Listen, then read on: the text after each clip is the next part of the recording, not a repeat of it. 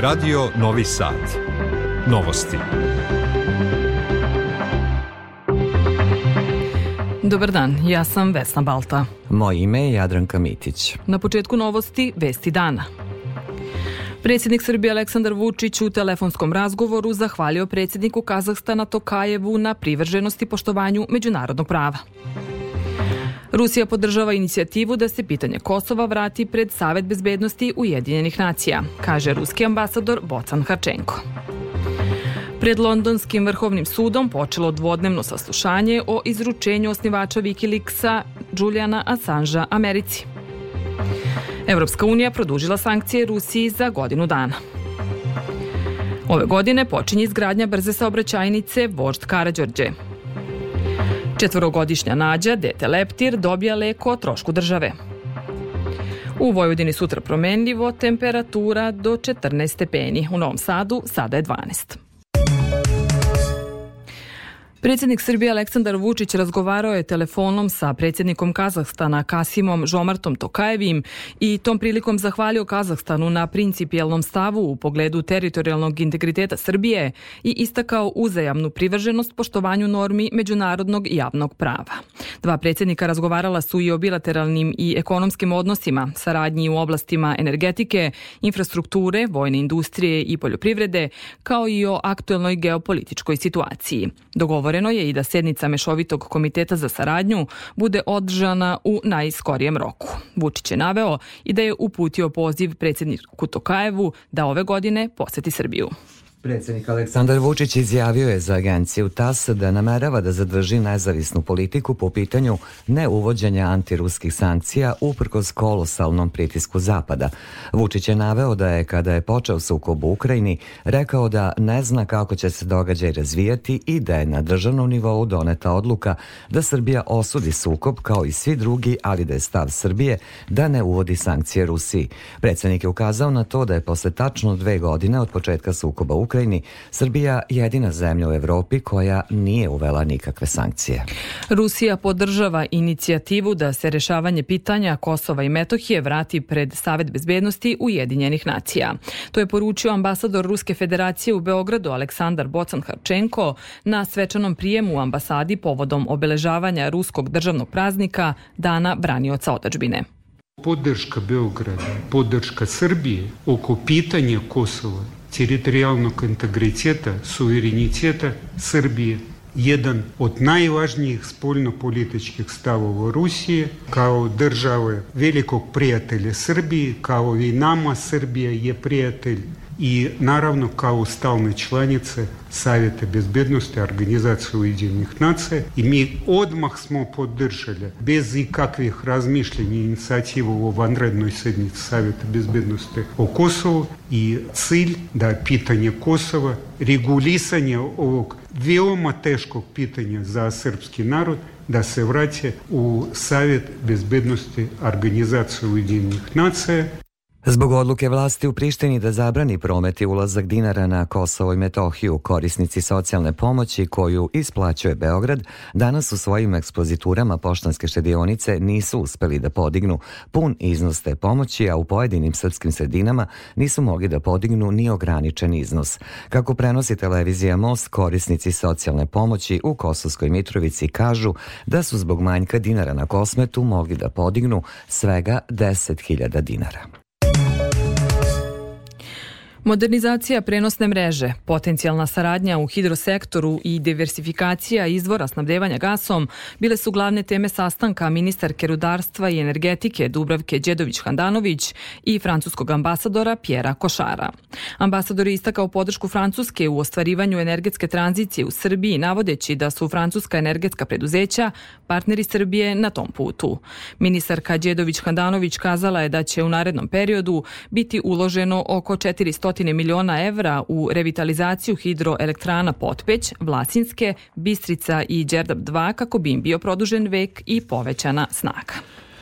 Ministar građevinarstva, saobraćaja i infrastrukture Goran Vesić obišao je radove na rekonstrukciji puta između Mladenovca i Smederevske palanke. On je tom prilikom najavio da će ove godine, ako sve bude po planu, početi izgradnja brze saobraćajnice Vožd Karadžorće, čime će, kako je rekao, čitava Šumadija biti premrežena brzim saobraćajnicama i autoputevima. Brza saobraćajnica Karadžorđe će obezbediti bolji komfort života za sve ljude, razvoj lokalne privrede i razvoj turizma prvoj fazi radimo negde oko 80 km koja počne od Malog Požarevca do Mladenovca, Orašca, Aranđelovca i do Čibutkovice u Lazarecu prema autoputu Miloš Veliki, a onda ćemo u drugoj fazi raditi na drugi deo prema Rači, prema Topole, prema Kragujevcu. Zbog visokih kamatnih stopa i inflacije, zaduživanje privrede kod banaka prošle godine je gotovo zaustavljeno, drastično je smanjen i broj stambenih kredita. Građani su ipak više uzimali gotovinske pozajmice koje su porasle za 32 milijarde dinara, što je nominalno 5 od 100. Pripremila Branka Dragović-Savić. Inflacija je u martu prošle godine premašila 16%, da bi u decembru pala na 7,6%, a visoka cena novca dovela je do pada potrošnje, ali i pada privrednih aktivnosti. U Srbiji su trenutno dominantni gotovinski krediti kojima građani rešavaju probleme kratkoročne likvidnosti, ukazuje za RTS profesor Univerziteta Singidunum Nikola Stakić. Ono što će verovatno zanimati građane na kraju ove godine je taj aktualni moratorium i kakva će biti situacija na kraju 2024. godine, da li će eventualno doći do nekog produženja moratorijuma imajući u vidu neke očekivane nivoje kamatnih stopa u decembru ove godine. Dakle, to su neke stvari koje direktno utiču na novčanik Milan Zečević iz Erste banke ističe da je cena zaduživanja isključivo posledica podizanja kamatnih stopa. Činjenica da imamo više od 20 banaka ukazuje koliko je to tržište konkurentno i da tu nema reči ni o kakvom kartelskom organizovanju. Evidentno je da je ciklus podizanja kamatnih stopa uzrokovao rast istih kako na aktivnim stranama bilansa banaka, konkretno na kreditima stanovništvu i privredi, ali sa druge strane i na depozitima. Kada je reč o bankama u Evropskoj uniji, zbog skupog zaduživanja one predlažu sve kreativnije društveno odgovorno poslovanje, kako bi predupredile novu hipotekarnu krizu, napomenje Zečević. Konkretno projekte po pitanju prihvatljivog stanovanja, gde se ulaže u određene nekretnine koje bi kasnije ugrožene socijalne grupe imale na raspolaganju i gde bi mogle da zakupljuju svoje nekretnine dugoročnim povoljnim ugovorima. Inače, čelnici vodećih globalnih finansijskih institucija najavili su snižavanje kamatnih stopa za drugu polovinu 2024. Bankari nagoveštavaju smanjenje tromesečnog Euribora u trećem tromesečju i to na nivo od 2,6 do 2,9 U nastavku novosti Crna hronika. Viši sud u Novom Sadu odredio je do 30 dana pritvor za BR, koji je osumnjičen da je u nedelju uveče u selu Rakovac kod Beočina nožem ubio bivšu suprugu i njenu majku. Nezvanično on je povratnik kada je reč o porodičnom nasilju. Više puta je prijavljivan policiji, a za vreme ubistva je imao uslovnu kaznu od dve godine i zabranu prilaska bivšoj supruzi. Tri osobe su poginule, a njih 12 je povređeno, među kojima i vozač osumnjičen za krijumčarenje ilegalnih migranata u saobraćanoj nesreći na putu Preševo-Bujanovac kod sela Aliđerce. Nesreća se dogodila kada je osumnjičeni RR u nameri pribavljanja koristi na ovlašćeno prevozio 14 ilegalnih migranata i zbog neprilagođene brzine sleteo sa puta, a vozilo se prevrnulo, saopštilo je više javno tužilaštvo u Vranju. Osumnjičeni će biti zadržan do 40 48 sati i biće priveden dežurnom javnom tužiocu zbog krivičnih dela teško delo protiv bezbednosti javnog saobraćaja i nedozvoljen prelaz državne granice i krijumčarenje ljudi. Novinarska udruženja i sindikati organizovali su u Beogradu protest podrške osnivaču Wikileaksa Julianu Assangeu u oči odluke suda u Londonu da ga izruči Sjedinjenim američkim državama. Assangeovo saslušanje biće održano danas i sutra u Kraljevskom sudu pravde u Londonu. Opširnije Miljana Kočić. Uns Nunci Sinos, kao i koleginice i kolege iz Međunarodne i Evropske federacije novinara, koje predstavljaju gotovo 200 novinarskih sindikata i udruženja, oštro se protive Assangeovom izručenju. Nijedna država ne gleda blagonaklono na otkrivanje bezbednostnih podataka, ali je reč o informacijama koje su od globalnog značaja, ukazuje pravnik Beogradskog centra za ljudska prava Nikola Kovačević, kako ocenjuje za Radio Novi Sad i u slučaju smrti ruskog političara Navaljnog i u slučaju Assangea, bez obzira na različite kontekste, grubo su prekršena ljudska prava. Tako da ovaj, kada vidite kako prolaze pojedinci koji su spremni tako da u svojim sistemima ustanu, iznesu na neki način stave svoj život na crtu. Ja ne ulazim u to kakav je bio Navalnji lično kao čovek i kakav je Julian Assange, bilo koji neki treći, četvrti ili peti. Ja isključivo pričam o tome šta pravo kaže odnosno na pojedinca koji se, na primjer, nalazi u zatvoru u Rusiji ili koji treba da bude izručen iz jedne zemlje u drugu. To su te stvari koje ljudska prava garantuju, a koje ovde, kada pogledate, tako drugačije se tumaču zavisnosti toga kosta, dakle dolazite, oni su na koju zemlju vi ističete pomer. Još pre dve godine naša udruženja i sindikat koji danas protestuje poslali su zajedničko pismo ambasadi i vladi Velike Britanije u kojem su poručili da odluka o izručenju Assanža stoji kao trajna pretnja svakom istraživačkom novinaru i borcu protiv prljavih projekata nasilja i zločina. Novinarstvo nije zločin, novinarstvo je javno dobro jer od profesionalnog novinarstva ima koristi svako društvo, svaki građanin, istakli su tada predstavnici naših udruženja. Slede vesti iz sveta. Izrael je naredio nove evakuacije iz delova grada Gaza iz naselja Zajton i Turkoma na južnoj ivici grada. Stanovnici su naveli da je u protekla dva dana bilo vazdušnih napada i teških kopnenih borbi u istočnim delovima grada Gaza, kao i da su zarobljeni u svojim domovima. U napadima izraelske vojske u pojasu Gaze od oktobra je ubijeno 29.195 ljudi, dok je povređeno više od 69.000 ljudi. Savet bezbednosti Ujedinjenih nacija glasaće danas o arapskom predlogu rezolucije kojom se zahteva hitan humanitarni prekid vatre u Gazi, a za koju su Sjedinjene američke države najavile veto. Očekuje se da će ta rezolucija koju je podneo Alžir kao predstavnik arapskih zemalja dobiti veliku podršku za okončanje rata između Izraela i Hamasa. Nastavljen je i rat u Ukrajini. U ruskom napadu dronovima na stambenu zgradu u Sumskoj oblasti poginulo je petoro ljudi. Ukrajinske odbrambene snage oborile su 23 udarne bespilotne letelice Šahed.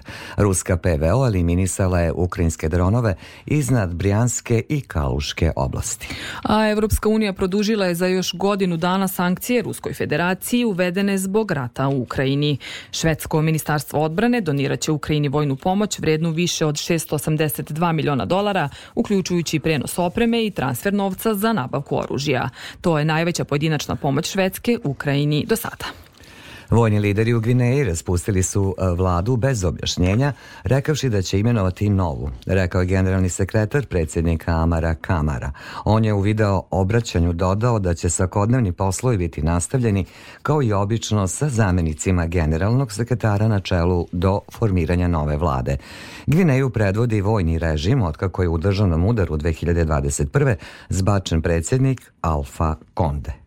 I još jedna vest iz sveta. Više od 70 volontera na izborima u Indoneziji preminulo je zbog iscrpljenosti tokom prebrojavanja i distribucije glasova prošle sedmice, saopštile su vlasti. Gotovo 4000 ljudi razbolelo se zbog umora. Veliki broj smrtnih slučajeva zabeležen je uprko smerama vlade koja je uvela starosnu granicu za volontere i naredila dodatne zdravstvene preglede, pošto je za vreme prethodnih izbora 2019. preminulo više od 500 angažovanih u izbornim aktivnostima mestima. Biračko pravo u Indoneziji ima 200 miliona ljudi, a na biračkim mestima prošle sedmice bilo je angažovano skoro 5 miliona volontera. Četvorogodišnjoj Nađi iz Čačka koja boluje od bulozne epidermolize odobrena je o trošku države genska krema koja je prošle godine registrovana u Sjedinjenim američkim državama kao jedini lek za decu leptire, rekla je Sanja Radojević-Škodrić, direktorka Republičkog fonda za zdravstveno osiguranje. Dodala je da ta krema još nije registrovana u Evropi, ali da je Republički fond u kontaktu sa proizvođačima i da radi na tome da što pre stigne u Srbiju. Kako je rekla rekla, terapija koja po pacijentu godišnje košta oko 630.000 dolara odobrena je za dvoje deca. U novostima i dalje o zdravstvu. Male boginje u Beogradu potvrđene su kod još tri osobe, što je ukupno šest slučajeva u glavnom gradu. Rečeno je za Tanjug u Gradskom zavodu za javno zdravlje. Od te tri osobe, jedan 18-godišnji mladić koji nije bio vakcinisan je sa upalom pluća na bolničkom lečenju na klinici za infektivne i tropske bolesti. Razmatra se početak vakcinacije majki protiv velikog kašlja kako bi novorođena deca bila zaštićena u prvim mesecima života, izjavila je ministarka zdravlja Danica Grujičić. Ona je naglasila da je veliki kašalj posebno opasan za novorođenčad. Prema njenim rečima u malim sredinama stepen vakcinacije kod dece je 98%, pošto su ljudi usmereni na pedijatra i veruju mu dok je u velikim sredinama procenat vakcinacije slabiji. Danas se obeležava Međunarodni dan socijalne pravde koji podsjeća na to da svi treba da imamo iste uslove za zaposlenje i obrazovanje, a oni koji žive u riziku od siromaštva jednako pravo na odgovarajuću novčanu nadoknadu. Detaljnije o tome Davorka Jelena Draško. Socijalnu pomoć u Srbiji prima oko 176.000 korisnika, a od aprila prošle godine ona iznosi 11.122 dinara. S obzirom na to da prema poslednjim zvaničnim podacima stopa rizika od siromaštva kod nas iznosi oko 20 procenata, postoji mnogo prostora za unapređenje politike u tom domenu, ocenjuje poverenica za zaštitu ravnopravnosti Brankica Janković. I ove godine će nam u našem izveštaju o radu, koji upravo pripremamo za Narodnu skupštinu, jedna od preporuka biti neophodnost povećanja iznosa novčane socijalne pomoći. Takođe smatram da, da bi uvođenje univerzalnog dečeg dodatka e, bilo od pomoći jer imamo dobre prakse u regionu. Potrebno je izmeniti i zakon o socijalnoj zaštiti koji se tiče najstarijih sugrađana jer su oni u najvećem riziku od siromaštva, smatra Janković. Izmena zakona o socijalnoj zaštiti koji se tiče imovinskog cenzusa za najstarije sugrađane u pogledu vlasništva nad zemljom koji ih ograničava za dobijanje novčane socijalne pomoći i na uvođenje kategorije socijalnih penzija. Socijalnu nepravdu je veoma teško iskoreniti, ali nezavisne institucije su tu da građanstvo što bolje obaveste o pravima i različitim načinima ostvarivanja pomoći, ističe pokrinjska ombudsmanka Dragana Ćorić. Spomenući da smo mi jedna od a, redkih država na svetu koja ima zaštitnike građana na sva tri nivoa vlasti. Pokrena Vojvodina ide kao jedan dobar primer zato što se najveći broj lokalnih ombudsmana upravo nalazi ovde na teritoriji autonomne pokrene Vojvodine. Socijalna pravda kao širok pojam nije samo u domenu države, već taj koncept treba da krene od svakog od nas, a empatija bi mogla biti ključni faktor, zaključuje pokrajinska ombudsmanka. U nastavku novosti govorimo o saobraćaju. Pripadnici saobraćene policije Ministarstva unutrašnjih poslova od 19. do 25. februara učestvuju u međunarodnoj akciji pojačane kontrole saobraćaja i to pre svega vozača autobusa i teretnih vozila. A prvog dana kontrole u Sremu je otkriveno 46 prekršaja. Više saznajemo od Danijele Đaković. Prilikom kontrole teretnih vozila i autobusa poseban akcenat je stavljen na poštovanje odredbi zakona o radnom vremenu vozača, zatim za obaveze vezane za korišćenje tahografa, kao i kontrolu obavezne opreme koje moraju da poseduju teretna vozila. Vozači autobusa i kamiona se trude da poštuju zakon i da primenjuju navedene obaveze. To je najvažnije od svega da vozač mora biti odmoran, pa i da bude ispravan u saobraćaju radi bezbednosti svih učesnika u saobraćaju, kako vozač vozača, tako i ostalih. Uglavnom, mi vozimo ovde u lokalu i to se poštuje. Ja i kolega vozimo u smjeni, on sad počinje u dva. Posle 4,5 sata vože, 45 minuta mora pauza da bude. Posle 9 sati, 11 sati pauza. I posle može da se krene novo vože, novi dan i ostalo. Na teritoriji Srema prvog dana zabeleženo je 46 prekršaja, od kojih je najčešće nepoštovanje dozvoljenog vremena upravljanje vozilom, kaže Srđan Jeftić, komandir saobraćajne policijske ispostave u Sremskoj Mitrovici. Na području policijske uprave u Sremskoj Mitrovici prvog dana akcije otkriveno je ukupno 46 prekršaja. Najviše prekršaja se odnosilo na nepoštovanje dozvoljenog vremena upravljanja, za neposjedovanje adekvatne dokumentacije vezano za korišćenje tahografa kao i nekorišćenje sigurnosnih pojasa. Akcija kontrole vozača kamiona i autobusa trajaće do 25. februara. Policijska uprava u Sremskoj Mitrovici apeluje na građane da povećaju opreznost u saobraćaju, kao i da poštuju sva pravila saobraćaja kako bi stanje bezbednosti učesnika bilo što povoljnije. Sport. A na početku sportskog pregleda rukomet. Od 18 časova i 45 minuta na Slanoj bari u Novom Sadu rukometaši Vojvodine dočekuju nemačku ekipu Flensburg u top 16 fazi Lige Evrope. A u prvim utakmicama osmine finala Futbalske lige šampiona večera se sastaju Inter Atletico Madrid i PSV Borussia Dortmund. Oba meča počinju u 21 čas. Pred kraj novosti još jednom podsjećanje na vesti dana. Predsjednik Srbije Aleksandar Vučić u telefonskom razgovoru zahvalio predsjedniku Kazahstana Tokajevu na privrženosti poštovanju međunarodnog prava. Rusija podržava inicijativu da se pitanje Kosova vrati pred Savet bezbednosti Ujedinjenih nacija, kaže ruski ambasador Bocan Harčenko. Pred Londonskim vrhovnim sudom počelo dvodnevno saslušanje o izručenju osnivača Wikileaksa Juliana Assangea Americi. Evropska unija produžila sankcije Rusiji za godinu dana. Četvorogodišnja nađa, dete leptir, dobija lek o trošku države. I pred kraj novosti o vremenu u većem delu Vojvodine je delimično oblačno, najtoplije na Paliću gde je 14 stepeni, stepen manje je u Somboru, Zrenjaninu i Kikindi, dok je u Sremskoj Mitrovici i Novom Sadu 12 stepeni. Slušamo prognozu. U Vojvodini promenjivo oblačno od četvrtka i osetno toplije uz povećanje južnog i jugoistočnog vetra, koji će na jugu Banata povremeno dostizati i olujne udare. Padavine se očekuje za vikend. Sa Radio Novi Sad, meteorolog Miodrag Stojanović. Slušali ste novosti prvog programa radija Radio Televizije Vojvodine. Novosti tonski realizovao Dragan Vukmirović, producentkinja Branislava Stefanović. Novosti uredila i vodila Vesna Balta. Moje ime je Jadranka Mitić i ostanite uz naš program od 15 časova i 30 minuta sledi emisija Radio Sport. Hvala na pažnji.